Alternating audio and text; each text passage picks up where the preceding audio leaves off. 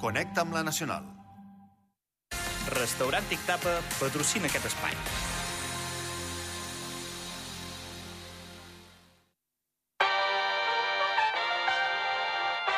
Zona Esports amb Sergi Cano.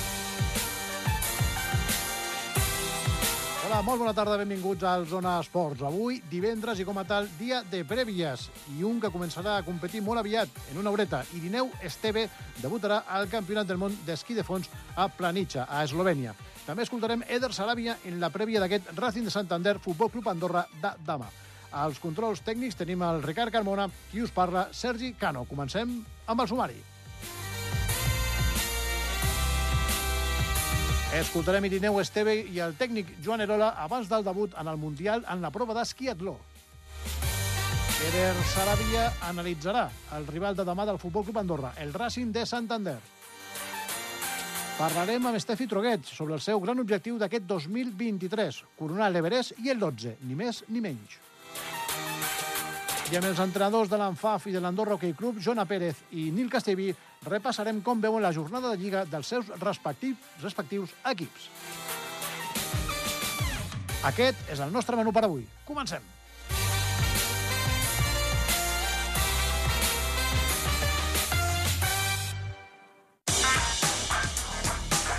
Zona Neu.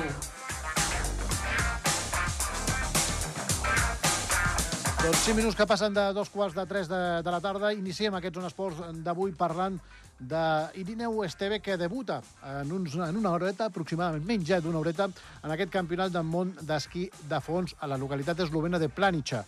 Ho farà en la modalitat esquiatló, 30 quilòmetres.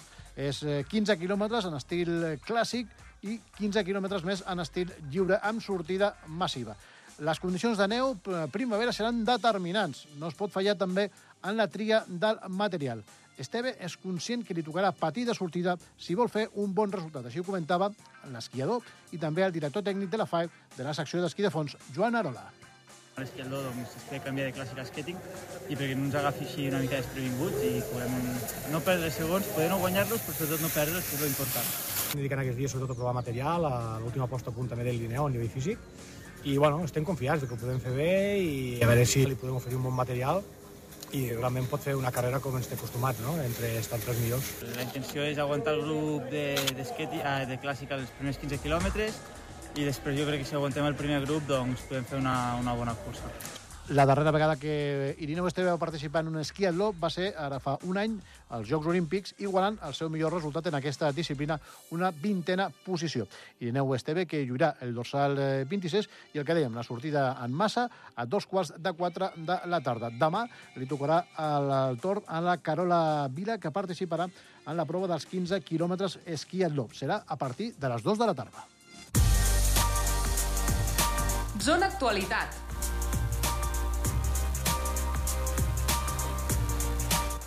Set minuts per sobre de dos quarts de, de tres. Anem a parlar ara d'alpinisme i d'una noia, l'Estefi Truguet, que ens presentava fa pocs dies aquest nou projecte, eh, aquest nou repte per l'any 2023, inclòs dintre el seu projecte 14 per 8.000 sense oxigen.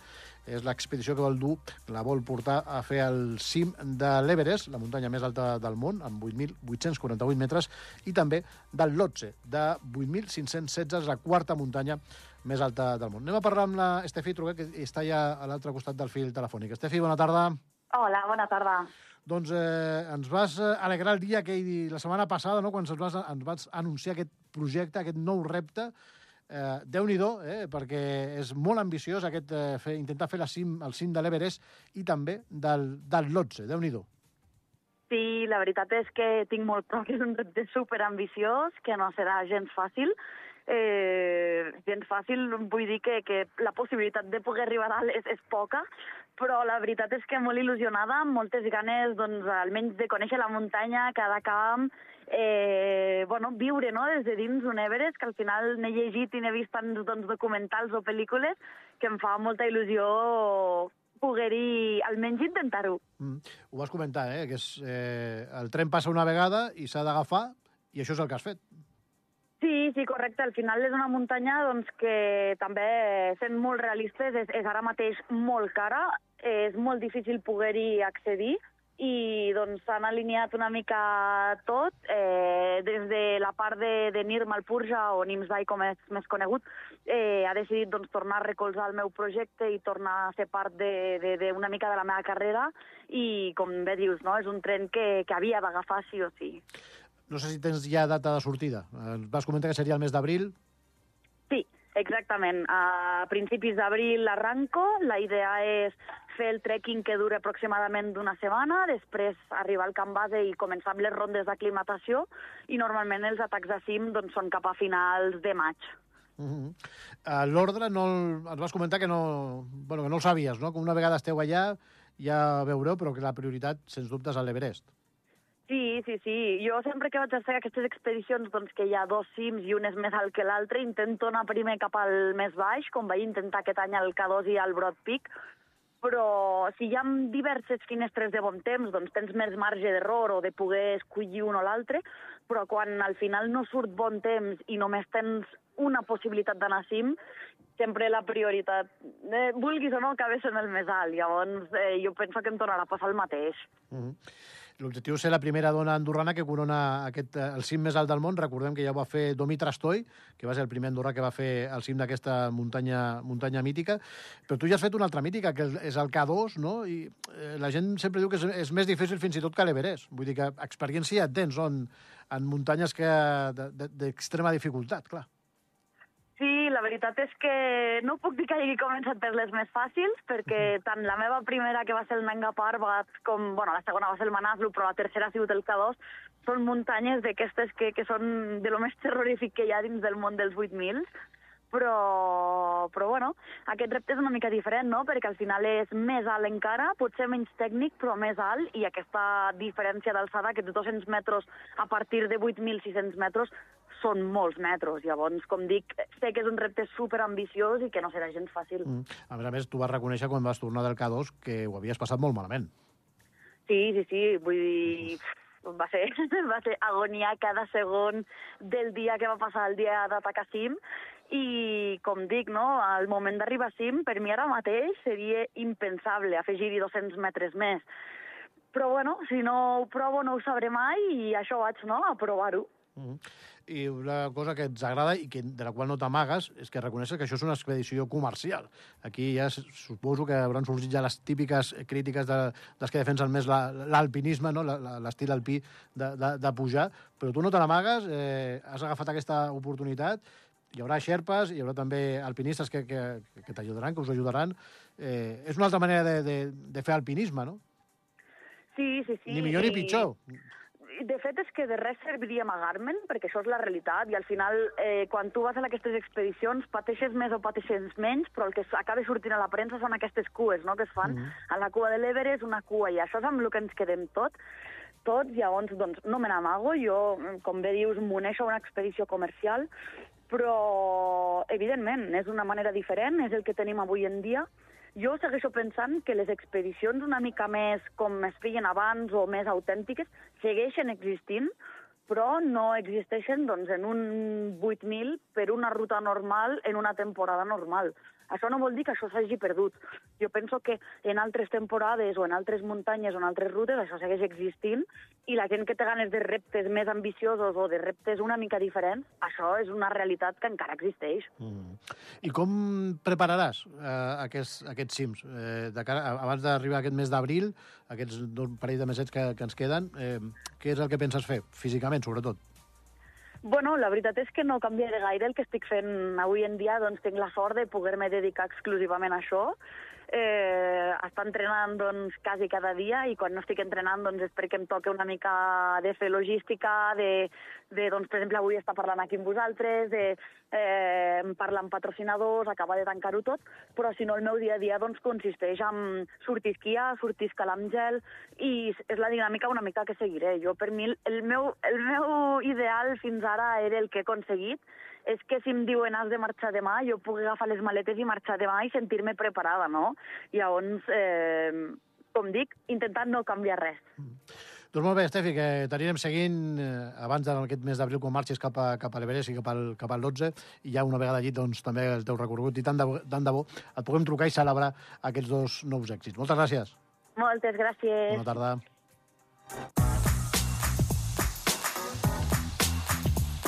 Zona Lliga. 2 i 44 minuts. Continuem al Zona Esports parlant ara de rugby i del BPC, que es pot assegurar de manera matemàtica la primera plaça a la divisió d'honor catalana de rugby aquest cap de setmana si supera diumenge el seu de Barcelona a Prada de Moles un lideratge que asseguraria a la final de la Lliga regular que asseguraria el factor camp a les semifinals del playoff. Per assegurar-se aquesta primera posició, el BPC ha de superar un seu de Barcelona que només ha cedit una derrota en cinc partits i que s'està mostrant molt sòlid. Així ho comentava l'entrenador del BPC, Dani Raya. Juguem aquí a casa i a sobre contra un rival fort com, com és el seu, que, que crec que està fent una, una molt bona temporada, sobretot a, a nivell defensiu. I nosaltres amb l'objectiu d'emportar-nos de, la victòria aquí a casa i crec que, que ens estem preparant bé per això un eh, Dani Raya que de moment eh, la trajectòria del, del BPC fins ara està gairebé també immaculada amb cinc victòries i només una sola derrota contra la Sant Boiana tot i que en aquell partit doncs, eh, el BPC va jugar amb un menys, amb un home menys durant tota la segona part. Això és el que comentava Dani Raya. Tenim una plantilla de jugadors molt potent, no? amb moltes característiques eh, diferents i, i això fa la unió d'equip. No? També crec que, que el nostre sistema de joc s'adequa molt al, a nosaltres. La primera plaça, com deien, garantiria jugar a la semifinal del playoff a Prada de Moles a falta d'una jornada per acabar la Lliga, però el Raya no vol mirar més enllà del pròxim partit. Encara queden aquests, aquests dos partits, eh, una casa, una fora, contra rivals durs i, i seguir treballant, no? seguir amb, amb la il·lusió de, d'estar a la part alta, de, de fer coses maques i, i quan acabin aquests dos partits plantejar uns altres objectius i veure els rivals i a veure què ens tocarà. Doncs eh, Dani Raya està pendent de la infermeria d'encara el compromís aquest eh, diumenge que es jugarà a dos quarts de quatre de la tarda en camp.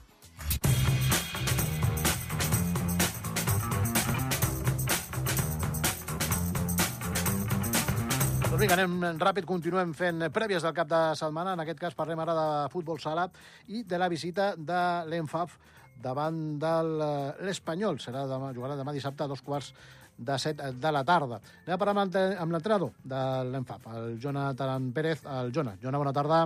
Hola, bona tarda. Doncs suposo que amb ganes de mantenir aquesta bona línia, no? Portem cinc jornades sense perdre, tres victòries, dos empats, tot i que l'últim va ser precisament un, un empat a casa contra, contra l'Esparreguera. Suposo que l'objectiu és aquest, eh? Anar, anar sumant una jornada més eh, el fet aquest de guanyar o empatar. Sí, correcte. Nosaltres, eh, aquesta setmana, com totes les demés, l'objectiu és anar a casa de l'Espanyol a, a guanyar el partit. Sabem que, és, que serà complicat, és un bon equip, ve amb molt, molt bona dinàmica, amb quatre victòries consecutives, però bé, nosaltres ens hem preparat aquesta setmana per, per anar al, al camp de l'Espanyol a guanyar. Sí que és veritat que bueno, tenim bastant gent a, a l'infermeria, fins a quatre jugadors, llavors bueno, això ens farà plantejar a nivell tàctic un partit diferent i, i esperar que ens, que ens vagi bé. L'últim partit, eh, dèiem, empat 3 a 3 contra l'Esparreguera, un partit estrany, no?, perquè al descans guanyàveu 3 a 0 i a la segona part us van igualar. Sí, correcte. Tenim el partit bastant controlat, no? Ells defensivament la primera part estaven molt incòmodos. Eh, nosaltres vam jugar eh, molt en profunditat, connectant amb el nostre pivot, això els hi va fer molt mal. La segona part, pues bé, ells també tenen un bon equip, van pujar eh, dos marxes més, eh, ens van ens van fer un parell de gols a, a nivell d'estratègia, eh, amb el 3-2, pues bueno, l'equip va patir molt, i a l'últim minut, doncs bé, amb poc de jugador ens van, ens van empatar. I què n'esperes d'aquest partit contra l'Espanyol? Vuitè classificat, eh, és el que deies, eh? duel de ratxes també, eh, té tres punts menys eh, que vosaltres. Mm, no sé com, com és aquella pista, no sé com, com ho veus. Bueno, la superfície de la pista no estem acostumats, és, un, és, una, és, és goma, no? llavors la circulació de la pilota normalment eh, va una miqueta més, més lenta, nosaltres estem acostumats a, a una circulació ràpida, ja que juguem en parquet, però bueno, és una pista que, que els jugadors ja coneixen, que, que han jugat allà altres anys, llavors, bueno, eh, saben que és un equip amb, amb, bon, amb bones individualitats i haurem d'estar ben atents a, sobretot a aquest joc de quatre que tenen, que tenen ells aprofitar les nostres transicions. I el que comentaves, amb quatre baixes, eh, com s'ha preparat aquesta setmana? Com has pogut preparar el partit? pues bé, hem, hem comptat amb els, amb els juvenils per acabar de, de fer entrenos amb cara, amb cara a lluís. Durant tota la temporada anem pujant juvenils, no?, perquè vagin treballant amb el primer equip, no?, per si els necessitem, pues, bueno, que a nivell d'estratègia i d'integració amb el primer equip ja estiguin preparats i, i bé, crec que l'equip està entrenant molt bé i, i està preparat per anar a afrontar el partit amb garanties. Ara comentaves, ha estat notícia també la pista de, de on jugàveu la setmana passada, eh, que relliscava molt, fins i tot eh, llegit dient que l'àrbitre va arribar a dir que si veia que perillava la integritat física dels jugadors, que, doncs això, que, que podia aturar el partit, no va ser, no va ser així. Eh, difícil també entrar en, aquella, en aquesta situació, no? No sé si heu pogut entrar durant, durant la setmana allí, en, en aquest pavelló de, de, de la Massana, o buscat altres localitzacions? No, dis, dissabte, el, el, el dissabte passat és veritat que la pista relliscava llavors és veritat que els àrbitres ens van, es van dir no? que si, si la integritat dels jugadors, pues, bueno, eh, hi havia perill de, de fer-se mal, pues, que aturarien el, el partit. Bueno, el partit es va dur a terme, eh, es va jugar, es va, es va acabar, i aquesta setmana sí que és veritat que hem tingut que anar a Sant Julià eh, a entrenar aquesta setmana i, i bueno, jo penso que fins que no estigui instal·lada no, la, la màquina que expulsarà aire calent no, per, perquè pugi la temperatura del pavelló i així evitar la, la humitat, pues, pues jo crec que no, no podem tornar ja. Sí, des de, podem avançar que des de la federació ens han comentat que mm, hi ha hagut un retard en aquestes, en aquestes obres, fins i tot hi havia un parell de forats eh, no, a les parets que feien que entrés sí. encara, més, encara més fred, que, que ja és difícil, perquè normalment aquell, aquell pavelló ja és, ja és fred de per si, i a més a més amb aquests forats doncs, eh, dificultava encara més eh, la gent. De fet, hi ha hagut queixes, però sembla ser que a final de la setmana que ve podria estar ja tot, eh, ja tot resolt, i tant de bo si sigui, no, per, per, no, pel bé de tothom, no? Sí, correcte. Ens han dit que d'aquí poquet ja, ja estarà tot acabat, llavors, bueno, és el que desitgem, lo que desitgem tots, ja que nosaltres amb, amb el nostre pavelló pues, bueno, estem, estem a gust, ja que és un pa, com comentava abans, no? eh, jugar en parquet és, és divertit perquè la circulació de la pilota és molt més ràpida, estem acostumats a jugar amb, amb les mides no? d'aquesta pista que és 40 per 20, no totes les pistes fan aquesta mida, sinó hi ha pistes que són més petites i per l'estil del nostre joc pues, no ens acaba d'anar bé, no? Llavors, bueno, esperar que, que s'acabi que s'acabi ràpid, tornem a la, a la normalitat i, i ja està. Doncs molt bé, Jona, que tota la sort del món de cara a aquest partit. Eh, recordem demà dissabte, el, el partit contra l'Espanyol a dos quarts de set de la tarda, a veure si podeu tornar i allargar aquesta bona ratxa de, de, de resultats. Moltes gràcies. Gràcies. Bona tarda. Tarda.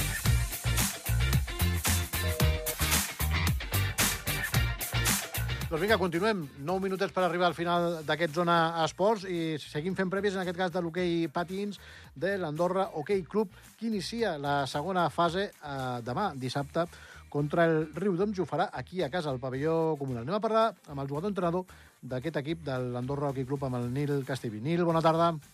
Hola, bona tarda.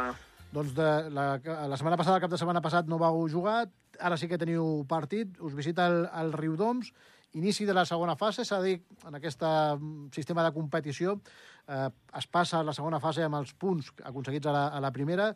Hem de comentar que l'Andorra Hockey Club eh, passa amb 9 punts i és quart, i s'enfronta al Riu d'Oms, que passa, ha passat amb 10 punts i és el tercer classificat. Podem dir que és un rival directe, no, Nil? Sí, sí, realment ara ja comença la xitxa bona, que diuen. Ara ja comença ja la, la segona fase i ara cada rival és, és un rival directe, no? I ja es veu amb els punts, no? L'altra lliga sí que és cert que no hi havia un, un vell lloc que, que anava primer consecutiu, sinó que es van repartir tots els punts i, i ara ja en aquesta lliga no podem fallar. I el primer rival és, és el Riudoms, que és rival directe. Eh, què saps d'aquest equip? Bueno, eh, equip eh, molt físic, equip típic de segona catalana, que, que piquen bastant. Eh, serà complicat, serà molt, molt, molt complicat. Formes de guanyar. Com plantejaràs el, el, aquest partit? No sé si comptes amb tots el, els jugadors disponibles, si tens alguna baixa. No, realment comptem amb tots disponibles. Em toquem fusta que, que l'entreno d'avui vagi bé i que ningú faci mal. Però, però bueno, sí que és cert que portem dues setmanes entrenant, entrenant molt bé i, i no hem baixat el ritme i, i suposo i espero que, que estiguem en, en bona dinàmica per encarar el partit de, de demà contra el Riudoms. I tu com ho portes, això de ser entrenador-jugador? Bé, cada cop millor, cada cop millor, la veritat. T'estàs fent a la, a la posició a la banqueta i a la pista. Sí, sí, sí, cada cop millor, ens anem adaptant. Ja, bueno, el que vaig dir, sort del, del Juan Sebastián, que, que ens ajuda i que, i que ajuda el club des de tants anys, i, i, i em dona aquest cop de mà no? per, poder, per poder jugar una mica de minuts i, i aportar una mica a l'equip, tant de jugador com d'entrenador. Perquè l'objectiu eh, d'inici de temporada es manté. S'havia fet un bon projecte, eh, passar la mala temporada passada, oblidar la mala temporada passada. L'objectiu creus que pugui, segueix sent factible? Sí, sí, realment, vull dir, tot depèn de nosaltres. Ara és això, ha començat la, la segona fase, el, el club i la Junta i la Junta està fent molt bona feina, la veritat. L'equip està, està encarant ja el que seria la recta final i d'això ens queden els, els vuit partits i, i aviam com, com va tot i si quedem entre els, entre els tres primers eh, anirem a eliminatòries, que és lo, és lo important. Aquí, sens dubte, l'important és no fallar, eh? Ho deies. No, no, ja, ja, ho, ja ho hem comentat, això. Amb, amb l'equip, cada, cada entreno anem, anem fent èmfasis una mica amb el fet de, de que cada partit és una final, que ens queden, ens queden vuit partits i és que no podem fallar cap partit. I, i, i demà serà el primer dia. Mm. Tu creus que en el grup hi ha algun rival que sigui així mm, eh, més fort que, que la resta, que es pugui distanciar? Bueno, sí que és cert, bueno, tenim el, el, el Belloc, el Belloc sí que és cert que ha fet equip eh, per pujar, uh, i, i, i suposo i pujarà. Estem segurs pels punts i, i per, per com juga, però un rival directe... Bueno, tenim dos rivals directes que hem estat valorant, i és el, el Vendrell i el Reus Ploms, que tenen jugadors de, de base, que tenen equips a dalt i, i que se- seran molt complicats. Seran molt complicats. Doncs vinga, pam a pam. Comencem primer pel partit de demà. Recordem a les 8 el pavelló comunal aquest partit entre l'Andorra Hockey Club i el Riudoms. Tota la sort del món. Bona tarda. Moltes gràcies a vosaltres. Zona Agenda. Doncs vinga, anem a fer un ràpid repàs de l'agenda per acabar aquests Zona Esports eh, d'avui. Comencem parlant de futbol. El Futbol Club Andorra, que visita el Racing de Santander, partit que jugarà demà a un quart de cinc de la tarda, que serà retransmès per aquesta casa, amb la narració del nostre company Cesc San Juan. Uh, ho hem dit, l'Enfaf, que juga al camp de la pista de l'Espanyol, demà a dos quarts de set de la tarda. L'Enfaf femení rep diumenge al migdia a la Massana, al Solsona, el BPC, ho hem comentat també, eh, diumenge, dos quarts de quatre de la tarda, Parada de Moles rep el seu, un BPC que és líder, amb 25 punts, però que el rival és quart, però amb eh, 18 punts i un partit menys, i els dos equips tenen una derrota. En eh, voleibol, el Club Volei Andorra femení rep la visita de l'Hortons, serà demà dissabte a les 7 de la tarda al pavelló del Liceu. És el primer partit de la segona fase, de la fase promoció B, on també juguen al mateix grup el Club Volei en camp femení, que es desplaça en aquest cas a la pista del Cerdanyola per jugar contra l'equip local, un partit que es disputarà diumenge a la tarda a les 6, concretament en aquesta pista del Cerdanyola. L'equip de masculí del Club Volei en camp, que és tercer a la classificació amb 22 eh, punts, visitarà la pista de l'Institut Montserrat en Gràcia, que és el sisè classificat amb 11 punts. El partit es jugarà a la una del migdia diumenge.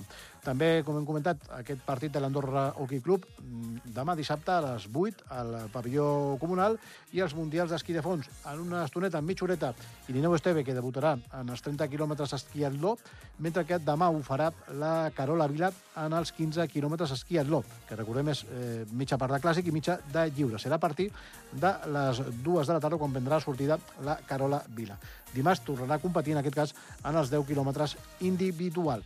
I en eh, futbol eh, hi ha una nova jornada de la Lliga Nacional. Tots els partits es disputaran diumenge, tots a la borda de Mateu, amb els següents horaris. A partir de les 11, el líder, l'Atlètic d'Escaldes, visita al Futbol Club Ordino. A dos quarts de dues, el gran partit de la jornada, segon contra tercer. L'Inter d'Escaldes jugarà contra el Futbol Club Santa Coloma, com dèiem, als terrenys de la Borda Mateu. A continuació, a les 4, ja en horari de tarda, a les 4, el Penya Encarnada s'enfrontarà a l'Unió Esportiva Sant Julià. Els dos últims classificats, la Unió Esportiva Sant Julià suma 11 punts, mentre que eh, el Penya Encarnada en té 12. La classificació, com dèiem, liderada per l'Atlètic d'Escaldes amb 41 punts. A continuació, empatats a punts, a 35, tenim l'Inter d'Escaldes i el Futbol Club Santa Coloma. Ocupa la quarta posició momentània la Unió Esportiva Santa Coloma amb 29 punts. Cinquè és la Unió Esportiva Engordany amb 20 punts.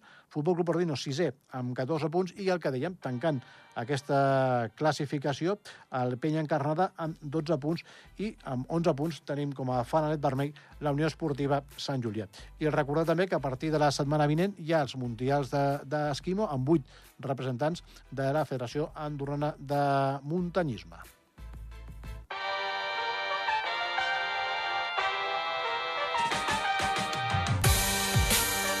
I amb aquesta llarga eh, agenda, nosaltres que acabem el programa d'avui, tornarem dilluns en una nova edició del Zona Esports. Molt bona tarda i molt bon cap de setmana esportiu.